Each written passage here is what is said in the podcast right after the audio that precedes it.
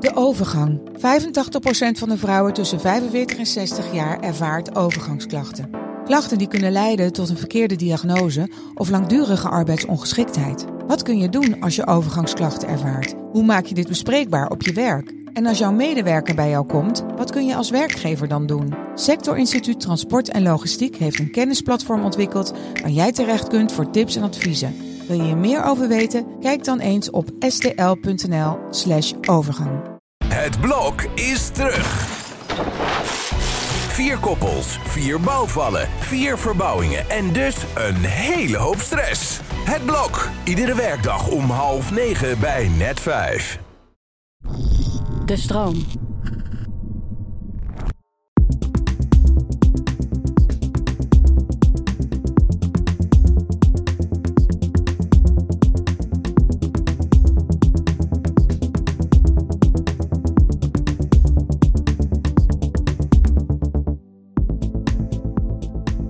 Dat je luistert naar de Podcast Psycholoog. Een podcast waarin ik, Marissa van der Sluis, samen met andere psychologen in gesprek ga over belangrijke onderwerpen. Om zo met z'n allen onszelf en anderen beter te leren begrijpen. Vandaag gaan we het hebben over omgaan met stress. En eh, daarvoor heb ik Thijs Loudsbach uitgenodigd. Hij is eh, psycholoog, eh, spreker, gespecialiseerd in het onderwerp stress en eh, burn-out. Maar ook auteur van onder andere de boeken Fucking Druk en Werken met Millennials en nog een paar andere boeken. Ehm, doe je nog, naast wat ik net noemde, nog wat andere dingen daarnaast? Wat doe je nog meer? Ehm, ik doe dus vooral als ik niet aan het schrijven ben, ben ik bezig met het geven van lezingen of het geven van trainingen. Mhm, Ehm, ik geef nog wel les, maar dan bij de School of Life. mhm. Uh, dan geef ik een les over zelfvertrouwen en een les over effectiviteit Oh, of leuk. focus. Ja, Ehm, en ik schrijf een column elke week in het, eh, in het AD. ja, ja, die lees ik regelmatig. Heel goed. Eh, toen ik deze podcast eh, aan het voorbereiden was trouwens, toen eh, moest ik ineens denken aan een paar jaar terug. Dat we in Crea zaten en dat we eh, koffie aan het drinken waren. En dat jij, eh, dat, dat ik toen vroeg het met je ging en jij was heel druk. en, en jij vroeg aan mij, hoe is dat met jou? Ik zei, ja, lekker, Ja. rustig. En eh, jij zei van, eh, hè, maar hoe, ja, hoe doe je dat dan? Ja. Ik weet niet meer wat je antwoord was. Weet jij het nog? Nee, was het maar zo. Want op een of andere manier ben jij nu de stress-expert. En ik was dat een paar maanden geleden ongeveer, eh, was, ja, was ik ongeveer half overspannen. Oké. Dus toen dacht ik, ja, wat, hoe, er gaat iets mis? Nou, ik, ik ken jou natuurlijk wel als iemand die echt onwijs veel doet. En veel verschillende projecten en dat ook wel eh managt met elkaar. Mhm. Dus eh, ik, ik vond dat altijd wel knap, ja. Hmm. En Weet je, ja, jij weet ook niet meer wat mijn geheim toen was. Nee, nee, was het Vertellen. maar zo. Zeg het. Ehm, en ik heb natuurlijk ook je boek gelezen, Fucking Druk. En, Heeft niet ehm, geholpen zo te horen. Ja, inmiddels ben ik eh, aardig rustig hoor. Ja, gelukkig. ja, gelukkig. Ehm, van lange tijd te veel stress kan je een burn-out krijgen. En uit recente cijfers blijkt ook dat een burn-out een groot probleem is in eh, onze huidige samenleving. Ehm, en dat heeft ook te maken met hoe we tegenwoordig leven en werken. Dat staat ook eh, allemaal in jouw boek beschreven. En vaak grijpen we in wanneer het al te laat is. En de vraag is deze aflevering hoe we ervoor kunnen zorgen dat we beter omgaan met stress. Zonder dat het ten koste gaat van de productiviteit ehm, op ons werk of ten koste gaat van een heel leuk leven. En jij hebt je daar de afgelopen jaren volgens mij eh, helemaal in gespecialiseerd. Mhm. Hoe komt het volgens jou dat ons leven op dit moment nou zo stressvol is? Ja, dat is. eh, ik, ik, ik had gewild dat ik één antwoord kon geven erop. Maar het is eigenlijk een, een, eigenlijk een veelheid aan verschillende ehm, factoren die daarin meespeelt. We zijn steeds harder gaan werken. eh, Mhm. En ons werk is ook steeds ingewikkelder en veel eisender geworden. Eh, dus we hebben de neiging om meer te werken en ook meer over te werken. Ja. En eh, bijvoorbeeld twee uur per dag, gemiddeld gezien, als je op kantoor werkt, ongeveer twee uur per dag eh, met mail bezig te zijn. Mhm. Ehm, vaak nog bovenop je reguliere werk. ja. Ehm, en zeg maar, die, die grenzen tussen werk en privé, die zijn er niet meer. Hè, waardoor je op je werk nogal wordt eh, gestoord met privézaken, maar vooral ook andersom. Hè. Mhm. Tijdens je privé-tijd eh, word je gestoord met eh, werkzaken, die Mhm. allemaal heel erg urgent lijken. Mhm. Dus dat is één. Maar ook in Ja. onze vrije tijd hebben we te maken met, eh, met FOMO, met fear of missing out. Mhm. Het idee dat we Eh, zeker in Amsterdam merk ik dat bij de mensen die ik daar goed ken. Die, die, die hebben vaak de neiging om te proberen zoveel mogelijk sociale gelegenheden en andere dingen in hun leven te proppen, in korte tijd te proppen. Ja. Nou, ik heb ook wel eens geprobeerd om ehm, drie, keer, drie keer op een avond naar een feestje, naar een verschillend feestje te gaan, zeg maar. Is geen zak aan, zeg maar. Want je bent nooit echt ergens. En je hebt met niemand een goed gesprek. Maar je bent wel de hele tijd bezig met hoe kom ik naar het volgende feestje? Ja. Moet ik al weg? Ja. Ehm, toch proberen we dat dus wel vaak te doen. En we zijn nogal verslaafd geraakt aan onze telefoons en andere devices die er heel goed in zijn om zoveel mogelijk van onze tijd op te slokken. Zo, ja. Jij noemt het Eh. toch ook een de dictator in je broekzak, toch? Ja, dus de, de dictator in je broekzak. Ja, ja eh, ze kunnen ontzettend veel dingen en ze, ze brengen heel veel mogelijkheden. En er gaan werelden voor ons open. Ja, Maar het is wel een ontzettend high maintenance ding. precies. Met ja. eh, alle berichtjes en notificaties en eh, updates en al het gejengel om je aandacht de hele dag. Dus als je niet uitkijkt, dan vult dat eigenlijk al die tijd die je vroeger had om, om rustig na te denken en je even tot, tot jezelf te komen met nog meer informatie. ja. En we zijn ook anders gaan denken, denk ik. Dus we zijn. ehm, we hebben tegenwoordig het idee dat we ontzettend gelukkig moeten worden de hele tijd. Dus ik geloof dat eh, de, psychiater Dirk de Wachter, die noemt dat de illusie van het chronisch geluk. Mhm. We hebben het idee dat dat de standaard is. En we Ja. hebben daarbij ook het idee dat we 24 uur per dag, eh, zeven dagen per week, sportief, sociaal, succesvol, eh, gezellig en al die dingen tegelijk moeten zijn. En dat het, eh, dat het mis is op het moment dat, dat we dat een keer niet, dat we niet aan die standaard voldoen, zeg maar. Dat lijkt me ook wel gerelateerd aan die, aan die FOMO. Dat als Ja. je even thuis zit en je hebt niks spannends, seksies of leuks te doen, dat je je dan ook als een loser eh, beschouwt. Precies. Dus we krijgen ook denk ik een beetje een raar beeld van wat we van ons leven verwachten. Mhm. Waarin de standaard is dat je onwijs succesvol bent op alle Ja. gebieden van je leven. Hele hoge verwachtingen van onszelf en van ons leven. Ja, plus het gevoel dat je dus niet, niet meetelt op het moment dat je niet dat haalt. Of Ja. dat je leven er anders uitziet. Ja. Eh, en dan kan je het maar beter niet tegen andere mensen zeggen. Maar dan moet je maar een beetje terugtrekken. Want dan ben jij de loser die, die er buiten valt, zeg maar. Voor je gevoel, hè? Eh, dus al die dingen bij elkaar zorgen ervoor dat we volgens mij... Die, nou, dat A, ons leven ontzettend druk wordt. Ja, En B, dat we nog wel eens de neiging hebben om ten koste van onszelf... ehm, te proberen om het allemaal heel goed te doen. ja, waardoor we dus weer druk voelen en ons dus weer gestrester Ja, voelen. Ja. precies. En kijk, natuurlijk is er niet, er is niet zo heel veel mis met stress. Eh, dat is eigenlijk een heel Nee. handig systeem. Hè? Dat Ja. is, eh, heeft ons altijd uit de brand geholpen eh, Mhm. met problemen en nog steeds. Ja, het zet ons ook aan tot actie. Zeker. Als er hier brand uitbreekt, dan, dan zorgt het stresssysteem ervoor dat je binnen een half minuut buiten staat. Dus Ja. eh, thank God hebben we dat. En Ja. dat heeft ons ook altijd eh, geholpen met overleven, zeg maar. Daarom zijn we er nog. Ehm, dus laat je vooral ook niet vertellen dat je, ehm, dat, dat je een zo stressloos mogelijk leven moet leiden. Of een zo rustig mogelijk leven. Nee. Sterker nog, leuke dingen doen en uitdagende dingen doen en actief zijn. Dat is supergoed voor je hersenen en voor de verbindingen in je hersenen. Ehm, er is alleen wel een verschil tussen eh, een, een, een, zeg maar een actief en uitdagend leven leiden en chronische mate van stress. Mhm. En dat laatste is gewoon heel slecht voor je weten Ja. en is heel slecht voor je gezondheid. Ja. En als je maar lang genoeg dat stresssysteem activeert, kan je uiteindelijk uitkomen op het eindstation van de stressklachten, namelijk een burn-out. Ja, er zit, er zit gelukkig nog heel veel tussen. Hè? Ja. Dus eh, ehm, je, hebt, eh, je hebt dus een bepaalde mate van stress ook nodig om te functioneren. Mhm. Ehm, dat is zeg maar gezonde spanning, noem je dat. Het is, ehm, eh, nou ja, dat zorgt dat je, dat je gemotiveerd bent om dingen te gaan doen. En dat je eh, je kunt concentreren op taken. En dat je doelen stelt. En dat je je nest uitkomt, zeg maar. Daar heb je dat allemaal voor nodig. Ja, Daarom maakt je lichaam ook een beetje cortisol aan hè, gedurende de dag. Dat is het, het stresshormoon. eh, Maar dat heb je dus ook gewoon nodig. Mhm. Ehm, om je aan te zetten tot eh, Om ja, dingen te gaan doen, ja. ja. Eh, om actief te zijn. Ehm, eh, maar eh, op een gegeven moment voel je het wel op het moment dat je de grens passeert van wat nog gezond is qua stress. Ja. En daarna word je daar vooral, als je dat langer volhoudt, dan, dan word je heel moe van. Heb Ja. je het gevoel dat je, dat, dat, dat je niet weet waar, waarvoor je het doet. Eh, krijg je last van lichamelijke klachten, fysieke eh, dingen. Last van je nek of van je spieren. Mhm. Ehm, emotionele buien, het overzicht verliezen. Ja. Een beetje paniekachtige gevoelens, al die dingen. En naarmate je dat meer toevoegt, wordt dat steeds erger. Dus hè, mensen krijgen wel eens bijvoorbeeld dat ze, eh, voordat ze in een burn-out terechtkomen, krijgen ze ook wel eens een paniekaanval bijvoorbeeld. Hè? Dat heeft ook met die spanning te maken.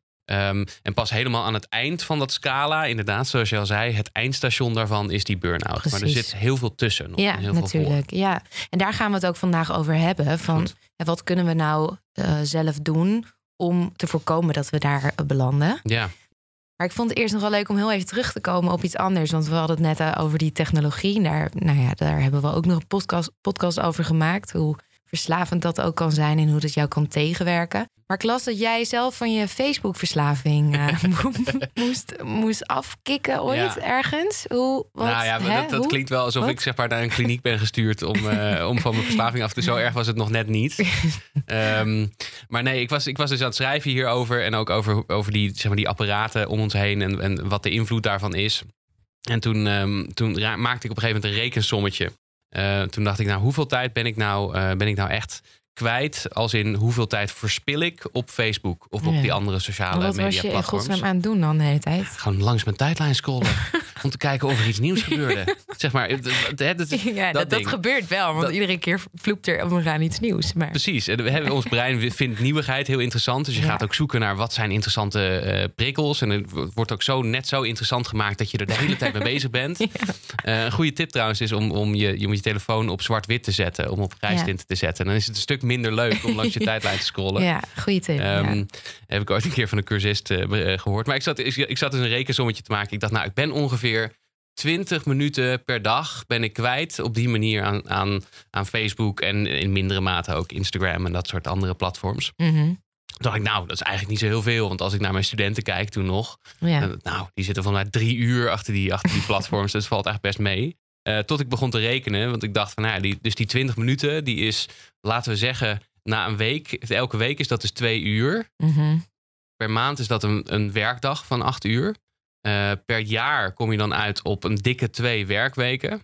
En in die tien jaar dat ik zit achter, op dat platform is dat dus ongeveer twee maanden. eh, ja. tijd verspild aan, Ja. aan kijken naar babyfoto's en, en, en meerijverzoekjes en eh, hashtag durf te vragen. ja. Ja, dus dat was Je wel. zag dat- je leven aan je voorbij flitsen. In ieder geval die twee ja, maanden. Ja, die, ik dacht in die tijd had ik een taal kunnen leren. Of ik had op Ja. vakantie kunnen gaan. Of ik Ja. had mijn vriendschappen kunnen aanhalen met mensen die belangrijk voor me zijn. Maar, maar nee, ik zat gewoon naar mijn tijdlijn te kijken. Ja. Sneu verhaal dit, hè? Nou, heel, ja, best wel dapper van je dat je daar toch uit bent gekomen. Oh ja, ik zit, ja, nee, ik zit bij de psycholoog. Nee, is goed, ja. Nee, goed gedaan. ja, dus nee, daar moest, daar moest ik vanaf. Maar dit is wel, het is exemplarisch voor, voor hoe we dat denk ik tegenwoordig doen. Omdat, kijk, als je in één keer een half uur achter je Facebook zou zitten... dan zou je misschien denken, oh, wat, wat ben ik nu eigenlijk aan het doen? Mhm.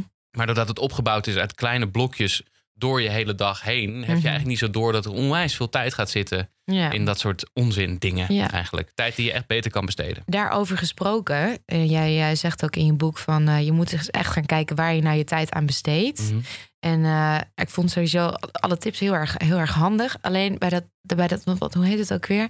Tijds, een tijdsbudget maken. Ja, Ja, toen, of, ja, toen dwaalde ik even af. En toen moest ik een klein beetje overgeven in mijn eigen mond. Want ik dacht, een tijdsbudget maken? Gadver, ja, wat, wat, waarom? ik, Vertel. ik snap dat wel. En ik, ik snap ook wel dat je zegt, nou, ik wil gewoon heel spontaan mijn tijd kunnen indelen, zeg Ja. maar.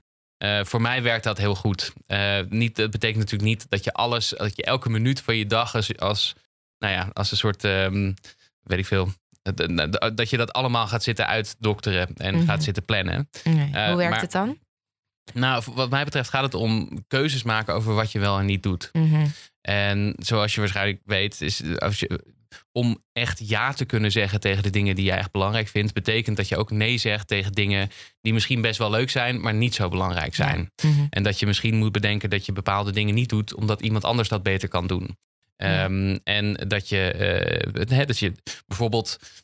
Het is natuurlijk onwijs leuk om een serie te gaan kijken op Netflix. Om te Mhm. gaan binge-watchen acht uur lang achter elkaar. En het is vast ook in zekere zin ook wel ontspannend. Ja, of Maar- belonend, maar... Belonend. Maar, maar als je de- denkt van tevoren van jezelf, nou, ik, de tijd die ik daarin heb, kan, wil ik eigenlijk liever een boek lezen, want daar steek ik meer van op. Mhm. Kijk, dat zijn. Als je dat allemaal overhoudt op wat je op dat moment zelf voelt dat je zou moeten doen. Dat, en, en, en, en heel graag zou willen doen. Ik weet niet, dan, dan maak je soms niet helemaal de goede beslissingen. Ik Mhm. in ieder geval. Nee. Goed verhaal dit. Ja, nee, Ja. maar eh, eh, je, je bent, eh, als je er gewoon mee bewust mee bezig bent wat je langetermijndoelen zijn. Dat wil ik eigenlijk dan, zeggen. ja, precies. Dan, ja. dan kun je veel beter kijken of datgene wat je dan wil doen, of dat past binnen eh, meer je, je, ja, je lange termijn doelen, dus je waarde op lange termijn. Ja. En ik denk dat we die vaak uit het oog verliezen. Aan de andere kant denk ik, soms mag je ook wel jezelf toestaan om iets te doen wat echt absoluut nergens goed voor is. Oh, absoluut. Ik, ben, ik pleit ook helemaal niet tegen dat je al de tijd van je, van je dag helemaal functioneel moet gebruiken Nee. hoor. Zeker niet. Nee. Eh, ik denk alleen dat we soms een beetje, eh, hoe noem je dat in het Engels? Penny wise en pound foolish zijn met onze Mhm. tijd. Dat we, dat we misschien op de korte termijn wel zien wat, wat handige en niet handige beslissingen zijn. Maar dat je bijvoorbeeld door zo'n, in mijn geval, door, door Facebook scrollen Ja. te elimineren, dat je, dat je echt heel Ja. veel tijd wint over een hele lange tijd. Ja, ja, daar ben ik helemaal mee eens. Gelukkig. Hey, en ehm, de- ja, er, je noemt nog wat meer strategieën die je, die je kan gebruiken om eh, de, de druk voor jezelf eh, te verlagen, of in ieder geval minder druk te zijn. Mhm. Bijvoorbeeld op werk. Ehm, en eh, ik moest daar wel om lachen, want je zei van ga nou eens om met je e-mail alsof je een manager bent of een CEO. Ja. Hoe doe jij dat? En Ja, leg ik, eens uit ik wat moet dat wel zeggen dat ik best wel een beetje een e-mail junkie ben. Maar ehm, eh, hoe- even kijken. Wat, wat betekent dat? Eh, nou ja, e- een van de strategieën die je kunt toepassen op je e-mail is de, de nou ja, die mensen noem je inbox zero people. Mhm. Dat zijn mensen die pas kunnen rusten als hun mailbox leeg is, als Oh, ja. hun inbox leeg is. Ben jij, dat, ben jij zo'n Nee, eentje? dat ik ben ik niet. Ik absoluut niet. Eh, maar als je dat bent, dan ben je dus best wel de sjaak. Want je krijgt gewoon de hele dag door mails. Ja. Eh, ook al ben je even wat anders aan het doen. En Ja. dan als je pas Moet je dan allemaal dwangmatig doorwerken Als je pas je... het gevoel hebt dat je werkdag af is als je hele inbox leeg. Ja. En je krijgt, dat, dat werkt misschien wel als je nog niet zoveel mails krijgt. Maar als je eenmaal op een positie bent waarbij je overladen wordt met mails, zul je een andere strategie moeten bedenken. Ja. En er zijn natuurlijk verschillende dingen op te bedenken. Een van de dingen die, die mij opvalt van, van hoogleraren en CEO's en dat soort types, die hebben gewoon vaak, die reageren gewoon niet. In ieder geval niet op de eerste paar pogingen. Ik ook, ik ook vaak niet op de. Ja, oh nee, ik hoop niet dat mijn studenten dit horen. Maar ik, ik denk dan altijd van ja, als ik gewoon twee dagen wacht, dan lost het probleem zich vanzelf Dat op. is En het is, vaak zo. is in 50% van de tijd is dat zo. Of Ja. ik sta in een of andere CC, dat ik denk, ja, oké, ja, for your information. Ja, liever niet eigenlijk. Nee. Maar ja, Nee, dat, is, eh, dat, dat, dat, klopt. En dat is inderdaad. Hè, dus een van die dingen is dat als je dingen dus eventjes iets langer laat liggen dan die ene halve uur wanneer je hier normaliter zou reageren, dan Ja. lossen problemen zich vanzelf als magisch op. precies. Ja. En dan hoef je er zelf niks voor te doen. En ik heb ook wel eens een, een, een hoogleraar gehoord die, die zei: Ja, nou, wat ik doe met mijn mail, ja, als ik terugkom van vakantie, dan staan er 500 nieuwe mails. Die delete ik allemaal maar. Ja, ga ik toch maar niet naar kijken. Weet je wel. Ehm, en als het urgent se- is, dan krijg je er ja, nog ja, één. dus ik zou niet per se dat doen. Nee. Maar ik zou wel. Wat ik bijvoorbeeld wel doe, is ik heb, ik heb een automatische e-mail beantwoorder naar iedereen die er meteen uitgaat. eh, Waarin staat: eh, bedankt voor je mail. Ik beschouw mail als iets dat een paar dagen kan wachten. Eh, dus het kan iets langer duren dan je misschien zou verwachten. Maar het wordt wel gelezen. Oh, Dat is, dat is bijvoorbeeld iets, eh, zo'n zo'n Ja. stap. Dat is een beetje qua verwachtingsmanagement. Dan Ja. worden ook mensen ook niet zenuwachtig of boos als je niet meteen reageert. ja, precies. Ja. Ehm, en ik heb, eh, ja, dat, nou, daar ben ik misschien een beetje een gekke in, maar ik heb een, een, een PA, dus ik heb een, oh ja, eh, een assistent die een deel van mijn mails doet. Ja, het lijkt me heerlijk, maar ja, het is niet voor iedereen Het weggelegd. is niet voor iedereen weggelegd. Het is wel, het is wel heel fijn. Zeker als je in de positie komt dat je denkt, nou, om echt te doen wat ik wel wil en wat ik kan, eh, moet ik nu wat taken afschuiven, omdat eh, ik eigenlijk nu veel te veel bezig ben met, met agenda, randzaken. dingen, randzaken, e-mails, eh, afspraken maken. En die tijd kan ik eigenlijk veel beter gebruiken voor iets wat Ja. veel waardevoller is om te doen. Ja. En een van de dingen die, die zij, hè, want het is een zij, heeft ingesteld voor jou is dat ze een hele goede planning heeft, of een goede agenda voor jou heeft Ja. gemaakt. En, en eh, ja, dat, dat vind ik zelf dus heel moeilijk. Ik ging eerst van mijn telefoon naar eh, pap- nu, nu naar papier, maar nu heb ik soort van twee plekken. Ja. Waar ik, en ik heb twee banen, dus het is eh, ingewikkeld. Hoe, en jij Ja. hebt nu de Ferraris, Ferrari onder de agenda's, las ik. Hoe doe, hoe, Nou, hoe- ik- ik wat wa- moet je daarvoor doen? Ik was altijd al eh, tamelijk neurotisch Ja. eh, met, eh, met plannen. Eh, in, in de zin van, ik, ik, net zoals jij, had ik altijd verschillende banen tegelijkertijd en verschillende projecten. En de enige manier waarop ik dat goed kon managen was dat goed weergeven in één document. Dus dat was mijn papieren agenda, Ja, die ik eh, nog eh, lang heb volgehouden tot mensen me echt voor gek verklaarden dat ik dat nog had, zeg maar. ik heb dat ook nog. Ja, nou, dat is Ja. heel goed. En de enige Ja, reden waarop ik eraf ben gestapt is dat ik, eh, dat ik dus iemand kreeg die voor mij dingen moest inplannen. Dus dan kan dat eigenlijk niet meer met een papieren Nee. agenda. Dus Maar toen moest ik over naar een Google eh, agenda of een digitale agenda. En op zich bevalt dat me eigenlijk best wel aardig. Mhm. Want wat je daar heel makkelijk kunt doen. Je moet wel een agenda, denk ik, hebben waarbij je een overzicht hebt van je week. Zodat Ja. je je niet blind staart op één dag, maar Nee, dat je ja. dingen in verhouding kan zien. ja, Ehm, wat ook handig is, is dat je daar heel makkelijk met verschillende kleuren kunt werken. Eh, dus je kunt eh, per baan of per project dat je doet, kun je een andere kleur gebruiken. Mhm. Dan zie je dat ook heel makkelijk terug. Maar oh, bedoel je, oh, je ziet dat terug op zo'n heel klein schermpje. Nee, ik gebruik dan wel mijn laptop daarvoor. eh, Oh, oké. Ik wil zeggen, ook want op mijn telefoon, ik vind het zo priegelig Ja, allemaal. het is ook heel priegelig. Ja. Ja, Ja, dus je kan, ja, ik zou zeggen, papier is beter, maar, maar eh, anders dan toch je laptop. ja. Als je maar het overzicht hebt. Want Ja. daar, daar dient natuurlijk je planning voor. Dat je niet meer zelf dingen in je hoofd hoeft te houden. Want Ja. daar wordt je hoofd druk van. Precies. Ehm, en dat je het overzicht hebt. Zodat je het vertrouwen kunt hebben dat je genoeg tijd hebt om de dingen te doen die je belangrijk vindt. Ja, Eh, als, je, als, als een planning iets anders doet dan dat, dan ben je verkeerd aan het plannen, zou ik Mhm. zeggen. Als je zenuwachtig wordt van je planning, dan, dan is dat niet de bedoeling, zeg maar. Nee. Ehm, dus dat is heel handig. Wat is nog meer handig? Eh, Schrijf dingen zo op je planning dat je, dat je het ook kunt terugvinden, ook na maandenlang wat het ook is. Dus kijk uit met afkortingen die je gebruikt, waarvan je dan niet meer weet wat het, Oh, ja. wat het inhoudt. Zorg dat je ook reistijd rekent en voorbereidingstijd voor dingen. Mhm. En zorg dat je genoeg dingen, genoeg vrije tijdsdingen inplant voor jezelf. Ja. Want dat is de enige manier waarop je op de lange termijn gemotiveerd blijft om eh, de dingen te blijven doen. Ik heb ook ooit een studie vaardigheidstrainingen gegeven. En daar, ik weet nog daaruit dat wat ook handig is en wat vaak wordt vergeten, een soort van buffers inplannen. Buffers. Ja, als je Ja. iets niet afkrijgt, dat je dan die buffers daarvoor kan gebruiken. Maar als je het dus wel af hebt, dat je tada, ineens een eh, blokje aan vrije tijd hebt. Precies, dus die buffers, dus inderdaad, en dat, dat zijn dus momenten die je inplant dat je bezig bent aan een bepaald project. Zeg een, een stuk schrijven of, ehm, ehm, nou ja, we komen allebei uit, uit het onderwijs, stukken nakijken bijvoorbeeld. Hè. Dat Ja. is een enorm project. Ja. Daar moet je verschillende momenten voor inplannen. Ja, Dan is het handig om ook, helaas wel, om ook een moment Saai. in te plannen waarbij je, eh, waarbij je zegt, nou dat is mijn buffer. Die gooi je nog niet vol met je planning. Dus je zegt nog niet, nou dan wil ik eh, zes stukken nakijken in die tijd. Maar je houdt die als buffer. Ja. Wat gebeurt er namelijk vaak, en dat, daar hebben studenten ook heel vaak last van. Die maken een planning en die zit helemaal ramvol. en dan gebeurt er iets waardoor, je, waardoor hun planning eh, in de soep loopt. Dus Ja. ze worden ziek of er moet opeens iets heel urgents gebeuren. Of ze worden heel erg verliefd, weet ik veel iets. Ehm, en dan gaat die planning in één keer de deur uit. Ja, is alles of niets eh Precies. principe. Wat je eigenlijk wil, is dat je, dat je genoeg flexibel bent om je planning te kunnen aanpassen. Ehm, doordat je dus een buffer hebt, waardoor je Mhm. denkt: ah shit, ik ben nu ziek vanmiddag. Ehm, eh, en, en je gewoon je werk kan doorschuiven zonder dat dat heel ernstig is, omdat je die buffer hebt. Ja, En inderdaad, in het uitzonderlijke geval dat je hem niet nodig hebt, heb je gewoon wat tijd over helemaal aan het eind van je planning. Ja. Kan je dan gewoon gaan Netflixen Ja. of weet ik veel iets. ja. Facebooken. Facebook. Ehm, ja, want wa- waar, eh, wat, ook wel belangrijk is, is wat je net ook zei, dat je daar dan in je planning ook dat het je hoofd leeg maakt. Hè? Want hoe, we kunnen heel veel dingen niet in ons hoofd houden. Ja. En jij noemt dat soort cognitieve loops. Hè? Daarvan kunnen Ja. we er niet, niet al te veel in ons hoofd houden. Ehm, ja, wat, wat zeg jij? Wat, wat adviseer je daarover? Nou ja, ik, ik, ik hou erg van het werk van David Allen. En dat is eigenlijk degene die hier veel over schrijft. Die heeft het boek Getting Things Done geschreven. Ja. En een van zijn speerpunten is: The mind is not for storing things. Mhm, Je ja. kunt je hoofd maar beter niet gebruiken om dingen in te bewaren. Want daar is het niet zo goed in. Ik mijn hoofd in ieder geval niet. Ik weet niet hoe het bij jou zit. Nee, nee, nee. Ik, gebruik, ik bewaar helemaal niks in mijn hoofd. Maar toen ik dat las en toen ik dat implementeerde in de manier waarop ik werkte, toen ging er echt een wereld voor me open. Dat was echt, het bracht zoveel rust dat je gewoon dingen niet in je hoofd hoeft te onthouden. Mhm. En je ook niet Ehm, schuldig voelt dat het, dat het er weer uit. eh, Precies. Want dat, is, eh, dat heb ik. ehm, Mark Tichelaar, die heeft er een mooi boek over geschreven. Het Focus aan, Focus uit. mhm. Ehm, en die, eh, die, die zegt heel terecht: ja, voor, je, voor je hoofd, die telt eigenlijk eh 1, 2, 3, 4 veel.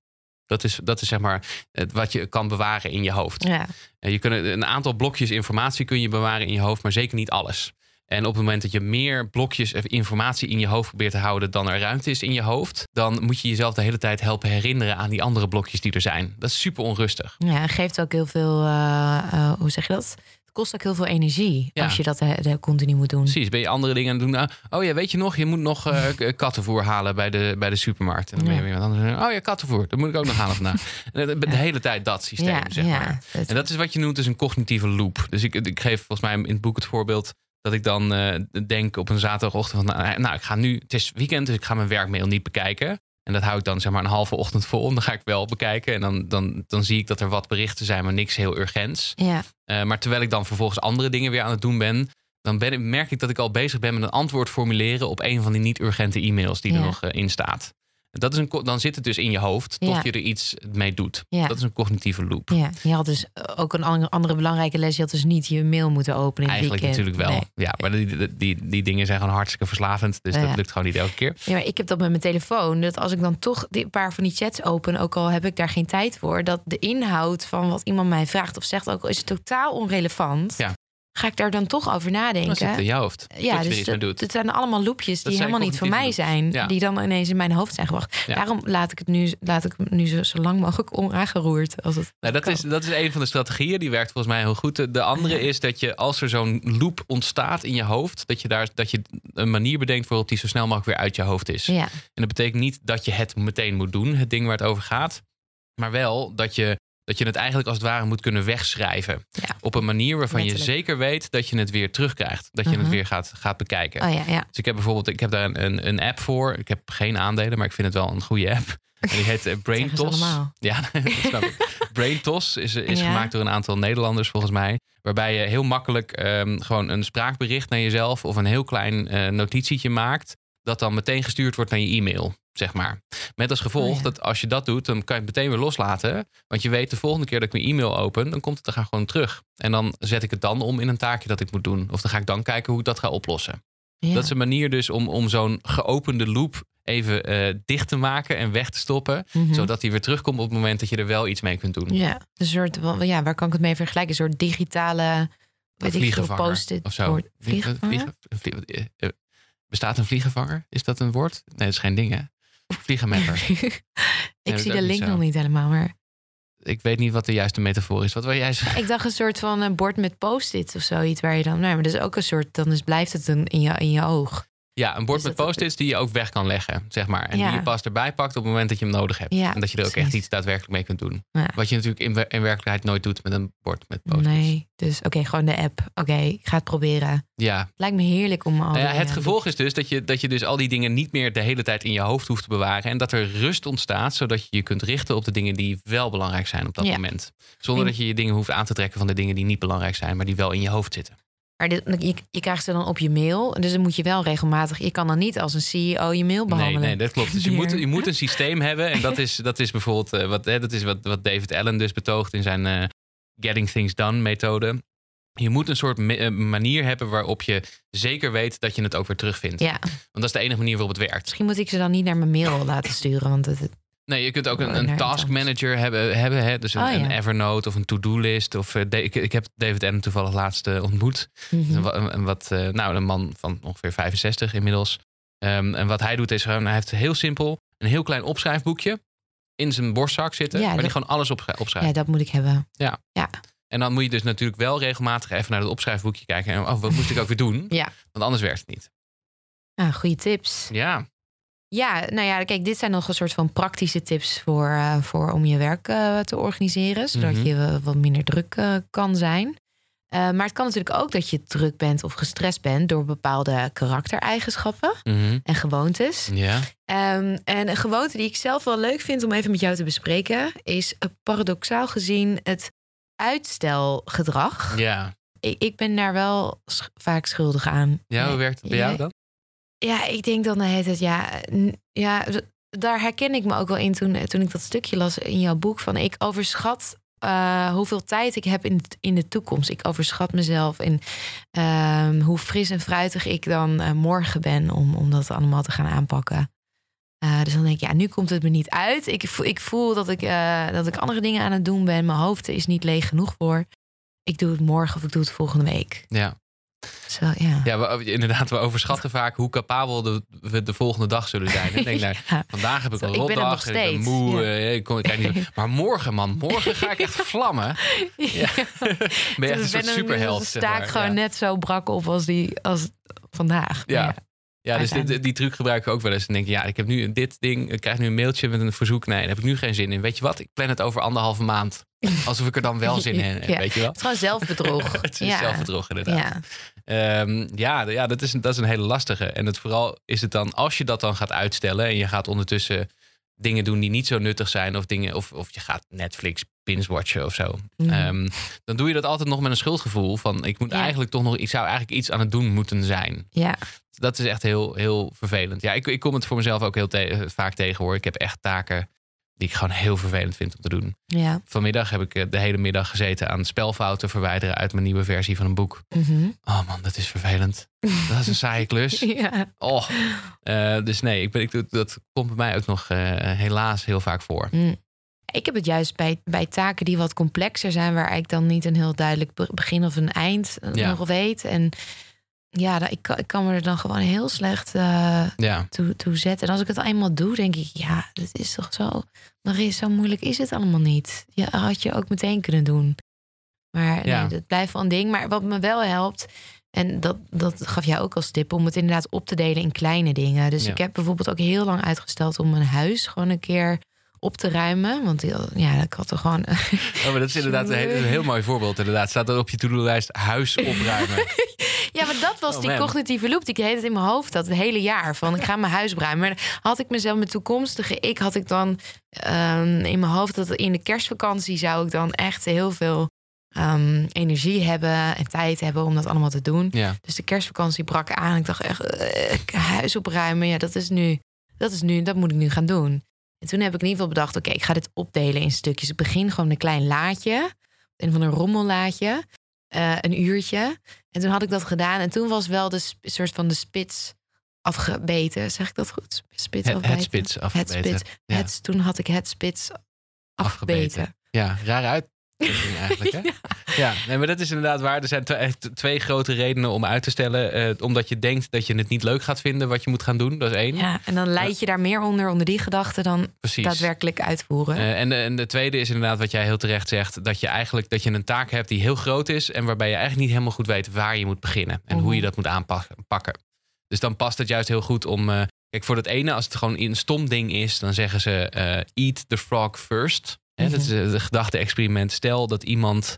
ehm, een of andere akelig iemand die, die, die dwingt jou om ergens op je dag een eh, levende kikker op te eten. Dat is echt een walgelijk voorbeeld. Dat is een heel walgelijk voorbeeld, maar daarom onthouden mensen me ook. Ja, Ehm, dus, dus je moet ergens op die dag moet je, dat, moet, je, moet je die levende kikker opeten. Dan zijn er eigenlijk twee verschillende strategieën die je kunt doen. Ofwel, je kunt gewoon doen alsof het niet aan de hand is. ja. Allemaal andere dingen gaan doen. En ondertussen ergens dat, hele, dat, dat vervelende stemmetje in je achterhoofd ik hebben. doe van, dat heel je vaak. moet ook, ja precies. Je moet nog ergens, eh, moet die. En aan het einde moet je alsnog voor de bijl. Ja, Of je doet het als allereerste van je dag omdat je dan nog de meeste wilskracht hebt. Ehm, en omdat je weet dat als je dat helemaal gedaan hebt, dat de rest van je dag eigenlijk best wel mee zal vallen. mhm. Dus dat noemen ze dan Een beetje een bijsmaak in je mond, ja, ja. precies. Maar goed, dan ben je er wel vanaf. je. Ja. Ehm, dus dat, eh, dat raden ze dan wel aan. Hè? Begin Ja. gewoon je dag met de allermoeilijkste en zwaarste taak. Ja. Want dan lukt het nog het allerbeste en dan heb je dat maar gehad. En dan Ja. wordt je dag een stuk relaxter. En vaak is het ook sneller af dan ik dan had eh, gedacht in mijn hoofd. En dan heb ik het weer groter gemaakt. Dan denk ik, ook, ik ben er eigenlijk nu alweer mee klaar. Precies. Dus dat is nog ook wel. Dat- Een zeetje van tijd nog. ja. En dat is, dat is dus die, eigenlijk die tweede. Hè? Een, een grote taak waarvan je eigenlijk niet goed weet waar je moet beginnen en waar het precies uit bestaat. En die Mhm. dan zo groot wordt dat het eigenlijk heel de- demotiverend wordt om erover, om erover na te denken. Ja, bijvoorbeeld je huis opruimen. En dan werkt Mhm. dus inderdaad het, dat gewoon in plaats van die hele grote taak, identificeren wat de subtaken zijn. En, Ja. daar, en er gewoon daar een aantal van doen en een aantal van op een ander moment plannen. mhm. Dat is veel prettiger dan dat je de hele tijd in je hoofd zit met, oh, ik moet mijn huis nog opruimen. ja, lekker groot. Ja. En lukt het jou inmiddels een beetje om eh, dit soort uh, Om mijn huis op te ruimen. ja, bijvoorbeeld ja, grote Ehm, taken op te delen in eh kleine Ja, ik ben, ik ben daar wel goed in geworden, denk ik. Ook wel, eh, ja, dus ik ben, ik ben nu ZZP'er en ik ben, ik ben vaak bezig met bijvoorbeeld een boek schrijven. Nou, dat is, als, dat op, je, als dat op je to-do-lijst staat, ik moet mijn boek nog schrijven, dan kom je er dus Dan nooit aan. ja, nee, dan Dus eh, dat, eh, dat begint eigenlijk vaak met eh, je voordat in een je. hoekje liggen huilen Dat, waarschijnlijk. ja, ja. dat gebeurt ook Ik. nog regelmatig, helaas. Maar dat is een heel ander onderwerp. Ehm, Volgende podcast. volgende podcast, de winterdepressie van Thijs.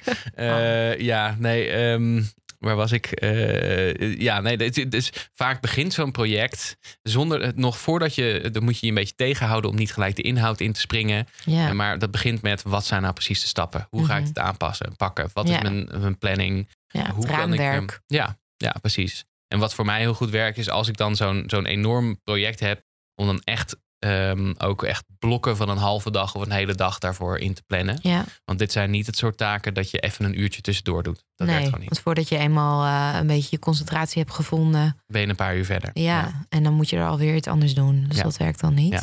En waar, wat ik tegenwoordig dan ook wel vaak doe, als ik dan echt tegenop kijk, zoals eh, nou ja, vanmiddag met dat vervelende urenlange taakje met die, met die, gewoon die tekstfouten, dan eh, probeer ik dat op een zo prettig mogelijke manier te doen. Ja. Dus dan ga ik ergens zitten waar het gezellig is, Ja, waar ik eh, iets lekkers kan drinken of kan eten. En dat, dan probeer ik dat op die manier eh, Ja, een dus beetje je- lief voor mezelf te zijn. dus je niet hoeft te zwelgen in medelijden. Precies. Als ik niet ook nog onder een TL-buis zit in een, ja, nee, dat is, ja, Ja, nee, dan wordt het wel heel zuur inderdaad. Ja, goede tip. thanks. En wat, wat, wat ook wel erg kan tegenwerken om het, om het wat rustiger te hebben in je hoofd, is perfectionisme. En Ja. dat zie ik zelf ook veel bij, eh, bij mijn cliënten, die bijvoorbeeld ook al in een burn-out zijn geraakt. Dus alles heel erg graag heel goed willen doen. Dus daar hele, hele hoge eisen stellen aan Ja. zichzelf. En soms ook aan anderen. Vaak ook aan anderen. Ehm, he- heb, heb jij daar last van? Perfectionisme? Ik heb er eigenlijk niet zo last van. Nee? Gelukkig. Eigenlijk ook nooit echt ook gehad. Nee, maar ik, ik, ken, ik ken wel veel mensen die er wel last van hebben. En we weten ook uit onderzoek hè, dat dat eh, ook wel echt samenhangt met een wat groter risico op een burn-out. Ja. Er zijn een aantal van die persoonlijkheidsfactoren eh, die, die daarmee samenhangen. Mhm. Bijvoorbeeld als je heel conscientieus bent, eh, en dat, daarmee wordt bedoeld als je houdt van ordelijk werken Mhm. en als je de taak eigenlijk altijd belangrijker vindt dan jezelf. Hè, je focus ligt eerst, je prioriteit ligt bij de taak en dan pas bij jezelf. Ja. Dat is er één. Wat bedoel je dan met bij jezelf? Je welzijn. Nou, bijvoorbeeld dat je, eh, Of- dat je eigenlijk dat, dat je het niet kan indenken dat je eh, pauze neemt voordat de taak af is. Oh, zo. Dat bedoel ik. Ja. ja. ja. Dus dat is, eh, eh, dat is er eentje. Eh, de andere is, eh, ehm, eh, zeg maar, als je eh, agreeableness noemen we dat. Dus als je geneigd bent om de, de, de behoeften van anderen altijd boven je eigen behoeften te stellen. Ja. En pas aan jezelf te gaan denken op het moment dat andere mensen gelukkig zijn. Mhm. Dat is er ook eentje. Nou, Ja. je kunt je voorstellen, dan raak je jezelf soms een beetje uit het oog. ja. Ehm, en dat, eh, en dan, ga je, dan heb je misschien soms de neiging om wat minder goed voor jezelf te zorgen. Eh, Mhm. omdat je juist ontzettend druk bezig bent om, om de mensen om je heen, eh, voor de mensen om je heen te zorgen. Mhm. Eh, en perfectionisme is ook zo'n zo'n persoonlijkheidstrek of zo'n neiging die het best wel lastig maakt, eh, ehm, denk ik, in de moderne werk, werkomgevingen. ja. Te meer omdat je niet alleen wordt afgerekend op hoe goed je werk is, of het nou een e-mail is of een document dat je schrijft of wat dan ook, of een les Mhm. die je maakt. ja. Ehm, maar ook, je wordt ook afgerekend op hoe snel je dat doet. Ja. En hoe goed je meerdere dingen tegelijk kunt doen. Ja. Dus je, je haalt het niet als je het van jezelf vindt dat, dat je alles 100% goed moet hebben. Nee.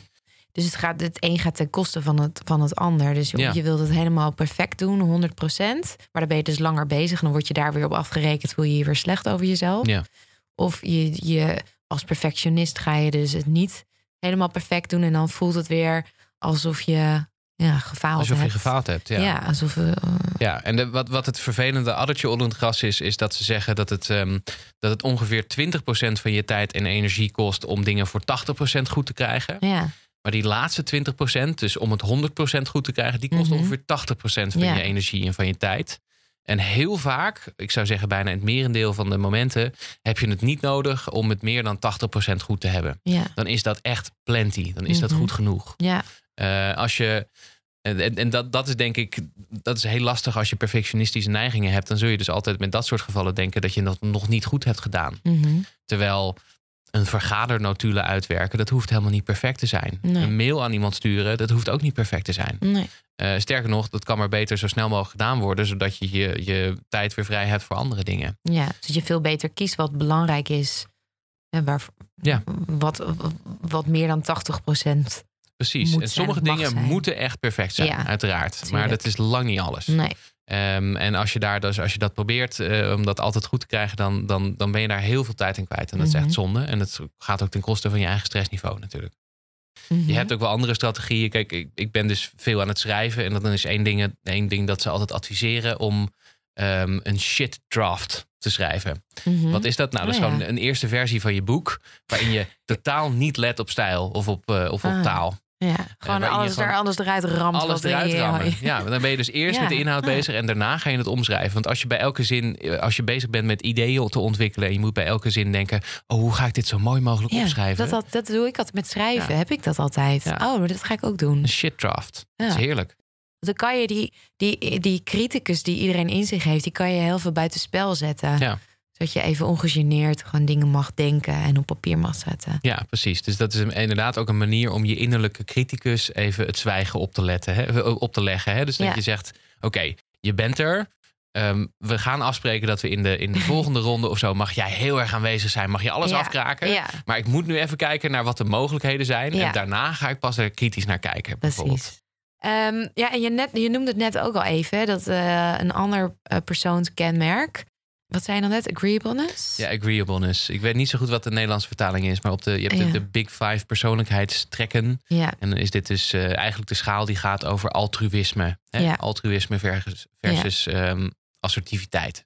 Ja, dus het is niet helemaal hetzelfde, maar eh, veel mensen hebben ook een, een, een buitensporig verantwoordelijkheidsgevoel. En dat zie ik ook veel terug eh, bij de mensen die ik zie die overspannen zijn geraakt of in een burn-out. Dat ze het idee hebben dat ze dingen moeten opvangen die misgaan, ook al is dat niet hun taak of hun werk. Eh, en jij had daar een leuke. Ik ben dan weer vergeten wat het ook Ja, was. uit de, uit de Leuke postbezorging is dat. Ja, precies. die heb ik ooit van een vriendin van mij eh, gehoord. Die stelde zich... ehm, nee, de, de, de, de attitude is niet mijn wijk, vriend. Mhm. Dat is zo, ja. Dus eh, dat, dat, het, komt, het zou dan uit de postbezorging komen. Tenminste, ik heb er ooit een column over geschreven. Maar is toen het een- waar? Heb je dit Toen uitgezocht? kreeg ik een boze postbezorger op mijn dak. Eh, die Oh, zei, nou, zo, zo ongenuanceerd is het ook weer niet, Thijs. Eh, en, en terecht. Dus dat, ehm, maar dat, dat, dat is dus inderdaad... Hè, postbezorgers he- hebben heel duidelijk afgetekend... wat hun wijk is en waar, waar zij post moeten bezorgen. En als je hen iets vraagt over wat... om iets te doen dat niet in hun wijk ligt... dan zeggen Ja. ze heel duidelijk... ja, dat is niet mijn wijkvriend. Nee. En dat is volgens mij, dat, dat kunnen we. eh, dat- dat- dat- sommige mensen, ik, heb, ik ken wel eens mensen, of ik heb wel eens, ik coach wel eens mensen waarvan ik denk, die attitude zouden, we- zouden die mensen iets meer mogen aanmeten. Ja. Dus niet zich zo verantwoordelijk voelen op over dingen waar ze, waar ze dat niet per se op zijn. Mhm. Ehm, door heel goed na te denken over wat is nou wel mijn wijk en wat is dus ook niet mijn wijk. Ja. Ja. En ja, veel mensen denken ook dat ze op een bepaalde manier niet vervangbaar zijn. Dat ze onvervangbaar zijn. Ja. Wat ook nooit zo is. De illusie van onvervangbaarheid. En Ah, dat ja. is natuurlijk in ons hoofd is dat, ehm, is dat een, een fantastisch idee. Hè? Dat, Ja, je wil je Stel dat ik er niet zou zijn, dan zou de hele tent afbranden. Zeg Ja. maar. Vaak is dat helaas niet zo. Zonder jouw boek. Ja. Nee, dat mijn boek is, bij mijn boek is het dan weer wel Ja. oh ja, Nee. sorry. Zon- ja. nee, zonder mijn boek hadden mensen toch ook allemaal andere dingen gevonden die, eh, en goede strategieën gevonden. Dus zeker, zeker. Mhm. Dus je bent nooit eh, onvervangbaar. Ehm, en dat is misschien Nee. maar goed ook. Je bent wel belangrijk. Ja. Ik bedoel, er is, je, je, je voegt echt wel wat toe. Maar het is niet zo dat als jij wegvalt, dat er dan eh, dat de boel instort. En dat is wel goed om je te bedenken. Ja, dus zeker als je dus zit met, met, met eigenlijk te veel stress of met stressklachten. Ja. Ehm, dan vind ik een, ja, het, het is een beetje boers, maar ik, ik denk dan altijd, ja, als je je been breekt, dan kun je ook niet naar je werk. Nee. Eh, en iets dergelijks is aan de hand met als je ontzettend veel stress hebt. En als, je- om, eh, als je dan jezelf gaat verplichten vanuit nee, maar ik heb zo'n groot verantwoordelijkheidsgevoel en anders gaat het helemaal mis. Mhm. Dan trek je jezelf over die grens heen, denk ik. En Mhm. dan gaat het de verkeerde kant op. Ja. Plus, eh, de omgeving gaat zich ook aanpassen aan jou. Omdat jij altijd degene bent die Ja. ja, altijd klaar staat om, om de problemen op te lossen, om de brandjes te blussen. Ja. ja, dat is social loafing noemen ze dat. Hè? De mensen die in een groep de grootste verantwoordelijkheidsgevoel hebben, die trekken de meeste, het meeste werk naar zich toe. Ja. En dat betekent dat andere mensen een beetje op de backburner kunnen gaan zitten. Mhm. En eh, dan zeggen, ja, nou, ik doe wel gewoon het minimum. ja. Want die persoon die gaat toch alles wel inleveren. Ja. Zie je ook altijd in groepjes studenten dat er altijd één lover is Ja, en eentje die. eh, dat is waar. Dus dat, dat trekt. zie je veel in, in groepjes studenten. Maar wat je ook vaak ziet, is ook wel grappig. Eigenlijk hetzelfde fenomeen met, met zeg maar partners die een relatie met elkaar hebben en een huishouden delen. aha. Die hebben vaak altijd allebei het idee dat ze voor 70% het huishouden doen. Oh, ja? Omdat je toch altijd denkt dat je zelf net iets meer nog bijdraagt aan, wat, eh, aan, aan, aan zeg maar het, het huishouden of aan het project. Nou ja, Dus maar dat dat, is dan nog- ook nog wel. Dat is meer gevoelde druk dan Precies. werkelijke ja, druk. dat, dat klopt. natuurlijk. ja, dat vind jij dat jouw taken misschien zwaarder wegen dan. Ja, dus mensen partner. hebben ook nog, eh, dat probeer ik ermee te zeggen, mensen hebben ook nog wel vaak het gevoel dat zij eh, altijd meer doen dan de rest. Mhm. En soms zie je dat, en we, nogmaals, we hebben al, allebei les gegeven. Soms zie je dat ook wel bij groepjes studenten terug. Dan zitten er drie of vier die denken dat, ja, ik doe ook altijd alles. Dan denk ik, ja, kan niet. En als tegenreactie gaan ze lekker weinig doen. Ja, en dan precies, doet ja. iedereen weinig. Het gebeurt me altijd en nou ga ik niks doen. En dan, ja, ja, soms heb je wel eens vier van die mensen bij elkaar. Dan gebeurt er dus helemaal niks. Dat is hilarisch. Maar jij had ook, eh, je hebt daar een goed ezelsbruggetje voor. Die, die had ik echt nog nooit gezien. Eh, dat is één zo'n eh, zinnetje waarbij je, als je die eh, maar in je Ja. hoofd herhaalt en je gaat hem vier keer op een verschillende manier eh, langs, dan kan je even checken of, of, of iets wat jouw kant op wordt geschoven, of dat het wel jouw verantwoordelijkheid is. Ja, En klopt. dat zinnetje is, dan moet ik, goed, moet ik hem heel neutraal zeggen nu?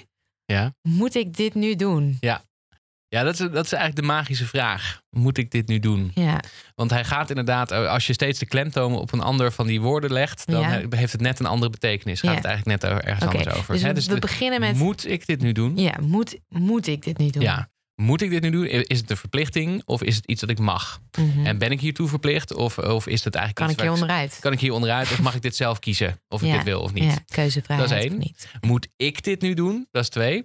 Is, dit aan, is deze taak aan mij bedoeld? Of kan ik dit beter bij iemand anders eh, neerleggen of Dus is het mijn wijk? Of is het mijn wijk? Inderdaad, inderdaad, precies.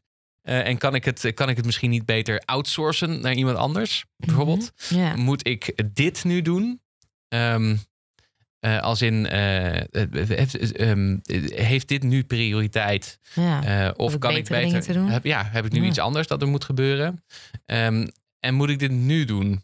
Is dit is nu stand te peden wat er moet gebeuren? Of kan ik dit beter plannen op een Ja. moment dat ik er tijd voor heb? In jouw Ferrari-agenda. Precies. ja, dus dat, zijn ook, dat, is, dat is een vraag die je kunt stellen. En als het Ja. antwoord daarop nee is, dan is het, per, dat, dan is het niet hetgene dat nu ehm, bovenaan de lijst staat. Maar is er ook nog een moet ik dit nu doen? Ja, Wat, Ehm, wat is wat is dat? Nee, dat, ja, ik, ik had er vier. En ik dacht, ik, ik bluff me er doorheen. Maar dan moet ik dit nu doen? moet ik dit... Moet ik dit nu doen of moet ik dit nu laten? Dat is een hele belangrijke vraag als je dingen hebt natuurlijk. Ja, Ja, ja precies. ja dat, is de, dat is de eindbaasvraag. Het is de eindbaasvraag. Goed, zijn we daaruit. Wil jij weten op welke manieren je nog meer zicht kunt krijgen op jouw prioriteiten? Ga dan naar de podcastpsycholoogclub.nl en beluister de mini-aflevering waarin ik met Thijs verder praat over prioriteiten stellen. Ja, en wa- wa- wat, wat, ik, eh, wat voor vraag ik nog kreeg voordat ik deze podcast ging maken. Ik vroeg even wat mensen om me heen, eigenlijk gewoon twee vriendinnen. Maar ik zei. Ik had het in de kroeg met... eh, Nee, ik heb een hele een, eh, steekproef gedaan. Nee, ik vroeg twee vriendinnen in de auto van... ja, wat willen jullie nou eigenlijk weten over het voorkomen van een burn-out? En één die zei, ja, ik wil weten hoe je nou grenzen kan stellen... of je grenzen kan bewaken voordat het te laat is. Ehm, ja, dat, dat, dat is een goede vraag. Eigenlijk begint het met de vraag: mag, kan ik eigenlijk wel nee zeggen? Kan ik hier eigenlijk wel mee stoppen? Hè? Eh, Mhm. Want eigenlijk is natuurlijk. In, in theorie is het antwoord altijd ja. Je kan altijd ergens nee tegen zeggen. Ja, Eh, maar als iets nou gewoon onderdeel is van je werk, dan ligt het misschien iets gecompliceerder. oh zo, ja. Ehm, eh, maar hè, dus dat, dat begint met de vraag: kan dat eigenlijk wel? Of moet ik dan naar een andere strategie kijken? Ehm, maar vaak is het antwoord ja, daar kan ik eigenlijk best wel nee op zeggen, als ik Ja. dat zou willen.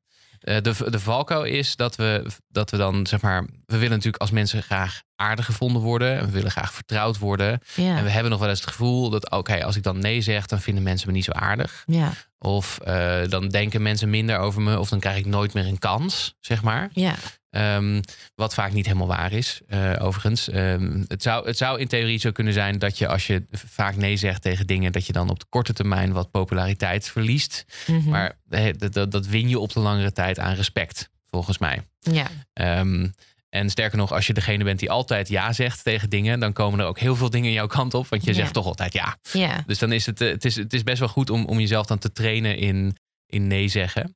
Ehm, en ik, ik heb daar inderdaad in mijn boek heb ik daar een soort, ehm, een, een, een soort formatje voor gebruikt, die ook wel gebruikt wordt door artsen.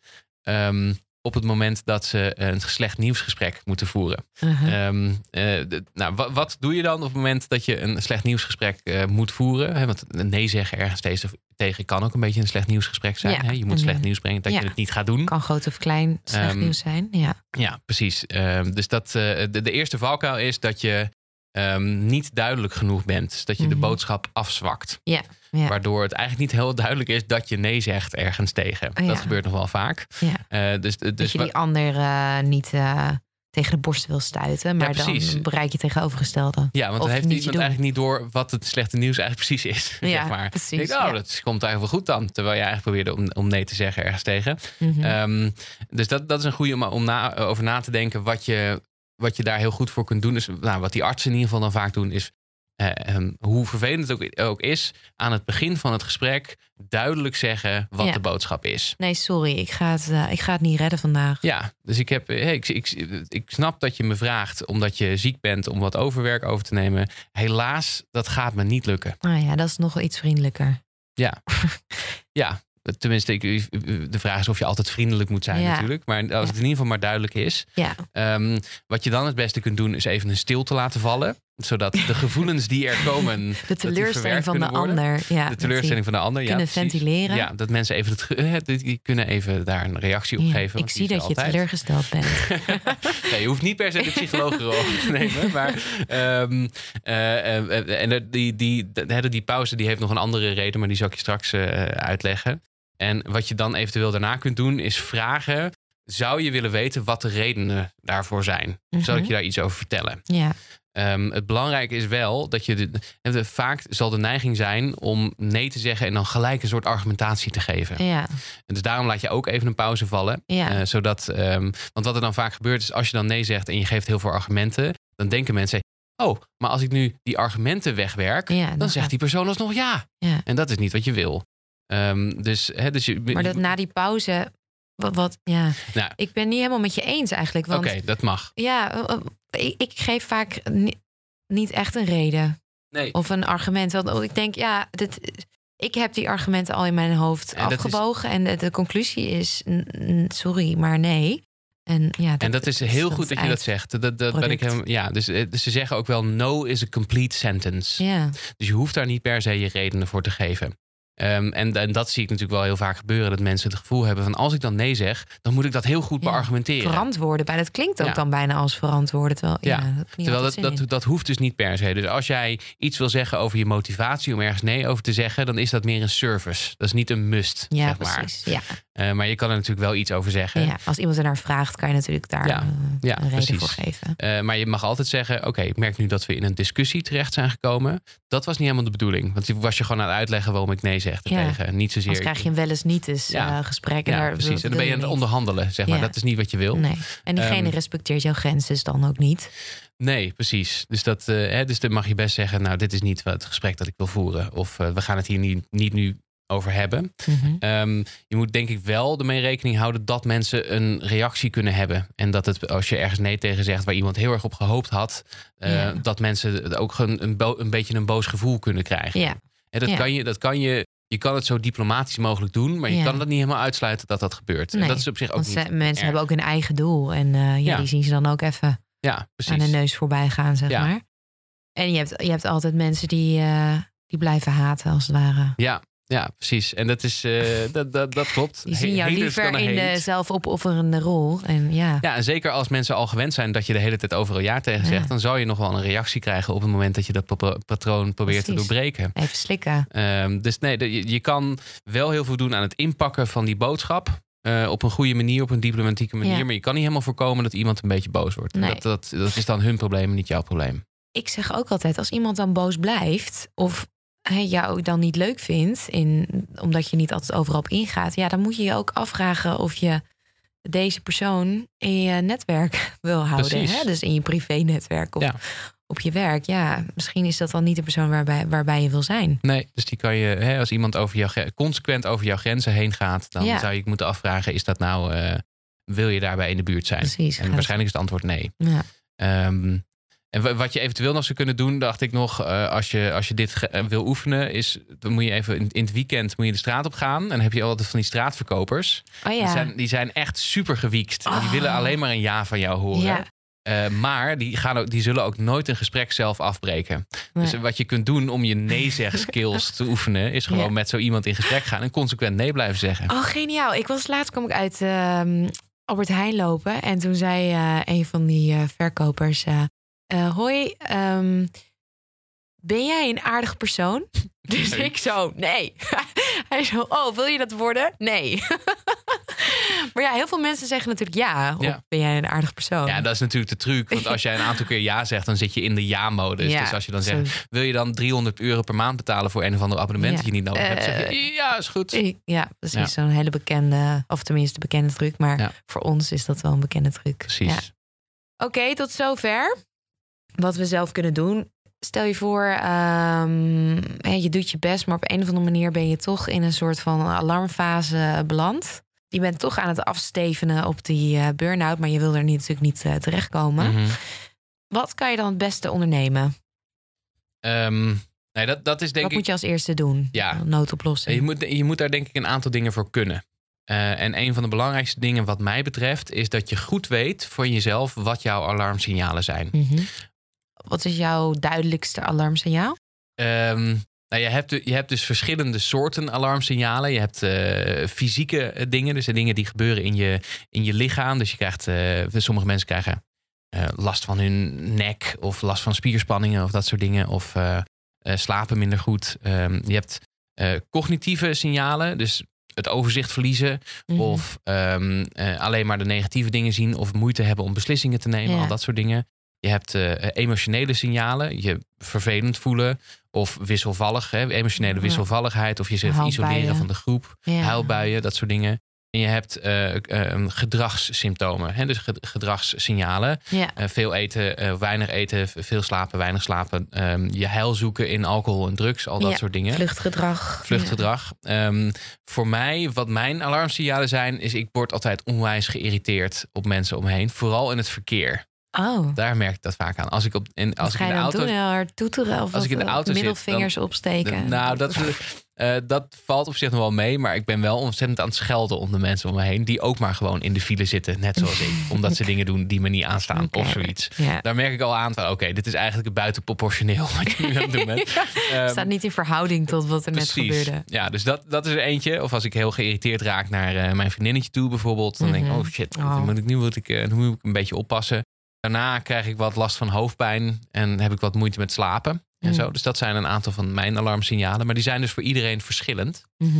Ehm, en volgens mij is, is een van de dingen die je dus moet weten... wat, wat de signalen zijn. Eh, en die, die fungeren ehm, als... eh, in de Formule 1 heb je, de, heb je een gele vlag. En een Mhm. gele vlag, als je die krijgt als coureur... dan betekent dat eh, gevaar. Er komt gevaar aan. Eh, je mag nog wel even doorrijden... maar tempo, temper een beetje je tempo. Ehm, en misschien moet je ook wel een, een pitstop nemen, zeg maar. Ja. Dus eh, je moet volgens mij weten wat jouw gele vlaggen zijn. Mhm. Eh, want het gaat geheid gebeuren in deze snelle wereld van nu dat je nog een keer in de stress schiet. Want dat is, Ja. dat is nou eenmaal hoe dat hoort erbij. Ja. Dus dan moet je het wel weten en ook registreren van ja, jezelf. stress hoort bij het leven. Alleen het is goed om alvast een noodplan klaar te hebben. Dat je weet van, hé, hey, wanneer moet ik even wat rustiger aandoen? Precies. Ja, dus dat is, dat is hè, dus de eerste is registreren het op tijd. Ja. De tweede is Wat zijn jouw signalen? Ja, dus wat zijn jouw signalen? Dat, dat, hè, dus dat moet je van jezelf weten. En die ook, als je die dus merkt, dan moet je gaan handelen. Mhm. Nou, wat is dat handelen? Ehm, gelukkig is het niet zo dat als je een beetje gestrest bent, dat dat betekent dat je eh, je relatie uit moet maken en je baan op moet zeggen. Gelukkig. Niet. Dat is niet de eerste stap. Oh, Ehm, de eerste stap dat is. adviseer eh, ik altijd. ja, ja, dat- Oké. Hmm. Ehm, arme cliënten van jou dan. Eh, Allemaal werkeloos. En daarna nee. vang ik ze weer op. ja, precies. Kom maar bij mij. Ik kan je helpen om een baan te zoeken. Ehm, ben je nou gestrest omdat je geen baan hebt? Nee. ben Eh, ook matchmaker. ja, precies. Ja. Ehm, eh, de, de, de eerste stap, denk ik, als je gestrest begint te raken. En mensen vergeten dat wel eens, want het is paradoxaal genoeg ook de eerste stap. Een van de eerste dingen die het raam uitgaat als je Ja. druk bent, Mhm. is goed voor jezelf zorgen. Ja, En wat betekent dat? Nou, heel concreet. eh, eh, voor de meeste, eh, goed slapen. Voor de meeste mensen tussen de zes en de acht uur per nacht. Ehm, ook zeg maar de, de, de structuur waarin je slaapt is heel belangrijk. Dat je min of meer op hetzelfde moment naar bed gaat en min of Mhm. meer op hetzelfde moment wakker wordt. Ja, Ehm, gezond eten. En niet alleen eh, wat je eet, dat is ook super belangrijk, maar ook de timing van je maaltijden. Want mensen Ja. worden hangry, zeg maar. ja, En eh, vinden de wereld een stuk minder leuk als ze slecht gegeten hebben. ja. Ehm, en weten dan soms niet helemaal waarom. Dat is, dat is overigens ook de reden dat als je met je partner in een vervelende di- discussie terechtkomt, dat het eigenlijk heel, een heel verstandig idee is om even te stoppen, allebei wat te eten en dan tien minuten later weer verder gaan met het gesprek. Want dat, eh, dan heb je, heb een heel ander gesprek Ja. met elkaar. Dus dat is een goede. Eh, sporten. Ehm, eh, voor, dus ik geloof dat ze aanraden nu tegenwoordig eh, minimaal twee keer per week een half uur in moderatie sporten. Dus Mhm.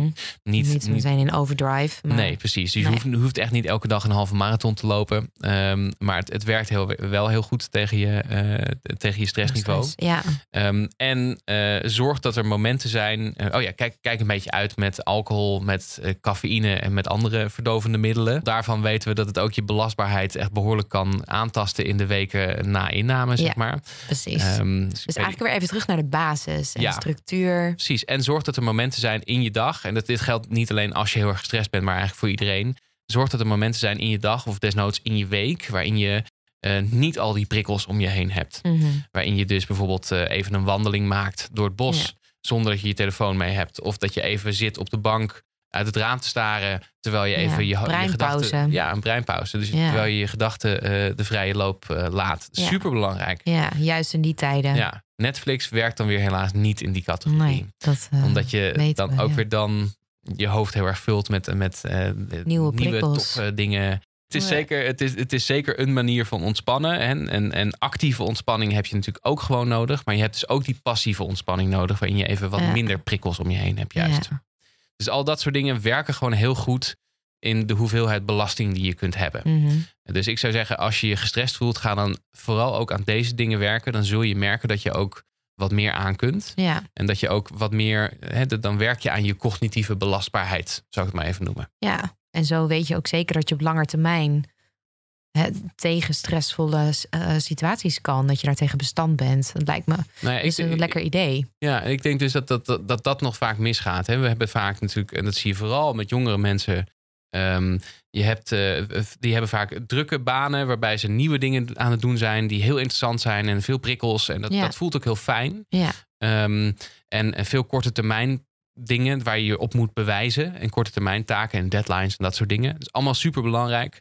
Wat ook belangrijk is, is dat je een soort modus vindt voor jezelf waarop je, laten we zeggen, 10, 20, 30 jaar Mhm. gezond en gelukkig aan het werk kunt zijn. ja, En soms betekent dat dat je juist op die hele snelle korte termijn een beetje gas terug moet nemen, ja. zodat je het op de lange termijn volhoudt. ja, En dat vergeten we nog wel eens.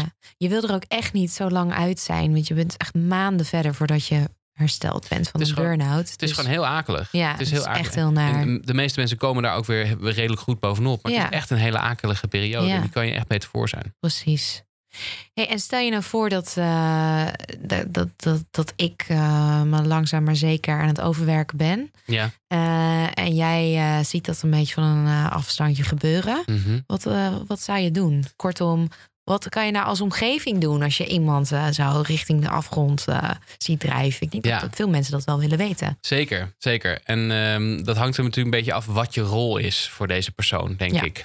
Eh, ik denk dat het bijvoorbeeld, ik, ik richt me dan veel op werk bijvoorbeeld. Stel wij zouden collega's zijn, Ja. dan, dan zou ik hopen dat we een soort werkomgeving hebben, een werksfeer hebben, waarin het oké zou zijn voor mij om jou een vraag daarover te stellen, zeg Mhm. maar. Ehm, dus hè, ik heb je nou bijvoorbeeld, eh, je hebt nou eh, al eh, drie keer in een vergadering deze week ben je flink uit je slof geschoten, Ja. zoals je dat altijd deed op Zeker, IVA, ja, ja, Ehm, dat dat, ik daar dan dat, Re- realistisch. ja, precies. Dat ik, daar, dat, dat ik dat dan tegen jou zou kunnen zeggen. Zeg maar, dat die werksfeer er is. Waarom? Dat ik even normaal moet doen. Nee, nee, nee, nee, dat bedoel ik niet. Maar het, lastige is, het lastige is dat je, ehm, als je gestrest raakt, dat is heel paradoxaal, dan heb je dat vaak tot pas op een heel laat stadium van jezelf door. Mhm. Terwijl de mensen om je heen, die zien dat vaak iets eerder dan jij. Ja, Dus dat is ook een goede, een goede om te weten van jezelf. Als je nou als de hele tijd mensen om je heen eh, ongevraagd advies gaan geven over hoe jij het rustiger aan zou kunnen doen, ah, kan ja. dat best een signaal zijn dat je eigenlijk misschien een beetje te druk bent. Ja. Eh, maar Wat ik, zou jij dan aan mij vragen als ik al drie keer eh, zou zijn uitgevallen op een vergadering? Nou, ik zou, ik zou je gewoon vragen wat, ja, wat, wat jij daarover denkt. Of, wat je, eh, of er iets speelt. Of, ehm, Dat het je op is gevallen ja, dat ik... ik heb nou dit, eh, dit gezien, daar ben ik eigenlijk niet van je gewend. Eh, Ja. Is, is er iets? Ja, precies. Ja. Kan ik je ergens in bijstaan? Of zo? Nou, dat zou ik wel lief vinden. Nou ja, had, had ik misschien eigenlijk moeten doen in die tijd dan. Ehm, Ja, ik, was, ik was toen rustig. Ik had het bij jou moeten dat is doen. waar, ja. Klopt, klopt. Eh, nee, ik ben heel druk. Ik ben met een boek bezig over stress. Ja. Laat me wel rust. Eh, dus dat, ik denk dat dat een hele belangrijke is. En wat over het algemeen geldt, is dat, ehm, dat, dat, dat weet jij als, als psychotherapeut ook. Advies geven werkt niet zo goed. Nee, Dat kan je beter niet doen. vooral ongevraagd advies niet. Als, je, als iemand jouw advies vraagt. Ja, en dan, en, Wordt het wel en- gehoord? Ja, precies. Dus eh, je moet gewoon X doen of je moet gewoon Y ja, doen. dat heeft iemand al lang bedacht. Dooddoener. Ja, precies. En daarmee geef je ook eigenlijk aan van, oh, maar jouw probleem dat is eigenlijk zo op te lossen. Dus waar zeur je nou eigenlijk over? Ja. Zeg maar. Dus geef vooral geen advies, Nee. maar geef wel aan dat je er bent en dat je dat je zorgen maakt. Ja, en dat je wat hulp kunt, eh, kunt verlenen als, dat- als dat nodig is. Of als je, dat je iets kunt opvangen. Ja, Ehm, en dat iemand in ieder geval erover kan praten. Dus Mhm. wat, dat, dat kan je natuurlijk bijvoorbeeld als collega's ook wel. En als vriend- vrienden en vriendinnen ook wel doen. Dat Ja. je de sfeer creëert waarin dit ook een onderwerp is waarover gesproken moet worden. ja, En dat je niet dat taboe op falen hebt. Op dat, eh, of dat taboe op aangeven dat je kwetsbaar bent. Nee. Zeg maar. Nee. Dus dat, eh, dat zijn een aantal van de concrete stappen die je wel degelijk eh, kunt doen om mensen te ondersteunen hierin. Volgens mij eh, zijn we er wel zo'n beetje. Ik zou nu een samenvatting kunnen geven, maar ik, ik ben eigenlijk gewoon te lui. Oké. Ehm, dus Samenvatting. eh, eh, zorg dat je weet wat je eigen signalen zijn. En zorg goed voor jezelf. ja. Dankjewel dat je hier vandaag wilde aanschuiven. Ik vond het een superleuk gesprek. En ik zie je vast snel weer. Ja, hoop het. Mocht je nou na het luisteren van deze podcast meer willen weten over wat een burn-out precies is en hoe je daarvan kan herstellen, dan kan je lid worden van de Podcast Psycholoog Club en naar de mini-aflevering over burn-out luisteren.